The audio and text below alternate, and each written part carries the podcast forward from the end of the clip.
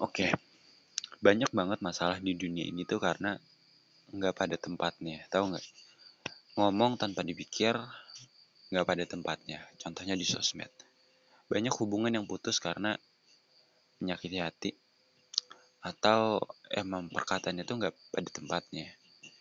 Dan itu aku amini, aku setuju 100% sepenuhnya. Ibarat kita suka makan di rumah kita diundang ke sebuah pernikahan terus kita makannya juga banyak tiga piring. Ya gimana ya? Tuan rumah mungkin masih memaklumi lah. Tapi jadi tahu oh sifatnya begini sifatnya begitu. Ya kita yang malu sebenarnya harusnya. Makan tuh salah nggak? Nggak bener. Cuma ini kan posisinya lagi di acara bersama ya di mana semua orang harus jaga etika sopan santun. Kalau makan yang banyak itu kan di pikiran orang ketika apa? Oh ini orang rakus banget ya serakah ya. Apa apa dimakan apa dimakan. Nggak masalah apa yang kamu makan. Yang kamu masalah itu momennya itu nggak tepat. Mungkin kalau di rumah nggak masalah lah kamu makan tiga piring dua piring. Tapi ini kan posisinya kamu lagi di hari pernikahan orang lain. Harus jaga etika sopan santun. Makan secukupnya gitu. Sama halnya kalau kita ke kampus ya kalau di rumah kan kita pakai santai, kaos oblong, celana pendek. Tapi patut nggak kalau pakaian begitu ke kampus? Boleh lah kita kayak sederhana, kita apa adanya. Sederhana kan? Pakai pakaian kaos, celana di rumah, di kamar, nyaman. Tapi kalau ke kampus kan nggak patut gitu. Artinya kita udah nggak menghargai kampus, entitas yang resmi, yang sopan, gitu. Ke kampus harusnya pakai kemeja pakai celana panjang pakai rok panjang jilbab itu tapi cocok nggak kalau kita pakai begituan jas hitam di kamar? Enggak jadi menurutku semua tuh ada momennya ada waktunya. Termasuk kesuksesan dalam hal besar. Pernikahan.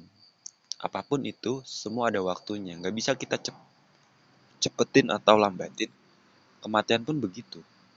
Artinya ya semua ada tempatnya, ada porsinya, ada waktunya, ada ukurannya masing-masing. Di Al-Quran pun udah jelas hal ini. Apa sih yang harus kita bicarain di depan umum? Apa yang emang cuma empat mata aja? Apa sih yang harusnya kita lakukan saat kondisi tertentu? Ya kan? Jadi satu hal itu enggak berlaku untuk semua keadaan. Sama kayak obat. Enggak ada satu obat yang bisa mengobati semua penyakit kecuali waktu. Serius. Waktu itu adalah obat bagi semua penyakit. Semua akan berlalu. Tapi kalau secara fisik, nggak ada obat dokter yang bisa menyembuhkan semua penyakit. Nggak ada. Ya obat A untuk penyakit A, obat B untuk penyakit B. Nggak mungkin kan obat kanker digunain untuk nyembuhin obat pilek. Ya mungkin bisa, cuma efek sampingnya terlalu besar atau obat pilek digunain untuk menyembuhin obat kanker, penyakit kanker. Yang nggak akan sembuh dong, yang ada mati gitu. Orang yang udah meng melakukan terapi kanker, minum obat kanker, itu aja kemungkinan masih bisa meninggal. Apalagi cuma dikasih obat-obat yang kurang sesuai gitu loh. Jadi indah ya ketika kita bisa memahami makna sesederhana ini bahwa semua ada ukurannya masing-masing wah itu udah satu prinsip itu udah buat hidup kamu makin tenang. Kamu nggak perlu prinsip hidup lain yang macam-macam ribet-ribet. Kamu nggak perlu baca buku motivasi. Nah, ini nanti aku bakal bahas di episode selanjutnya. Kamu nggak perlu denger video motivasi atau yang lain. Nggak perlu, cukup memahami ini.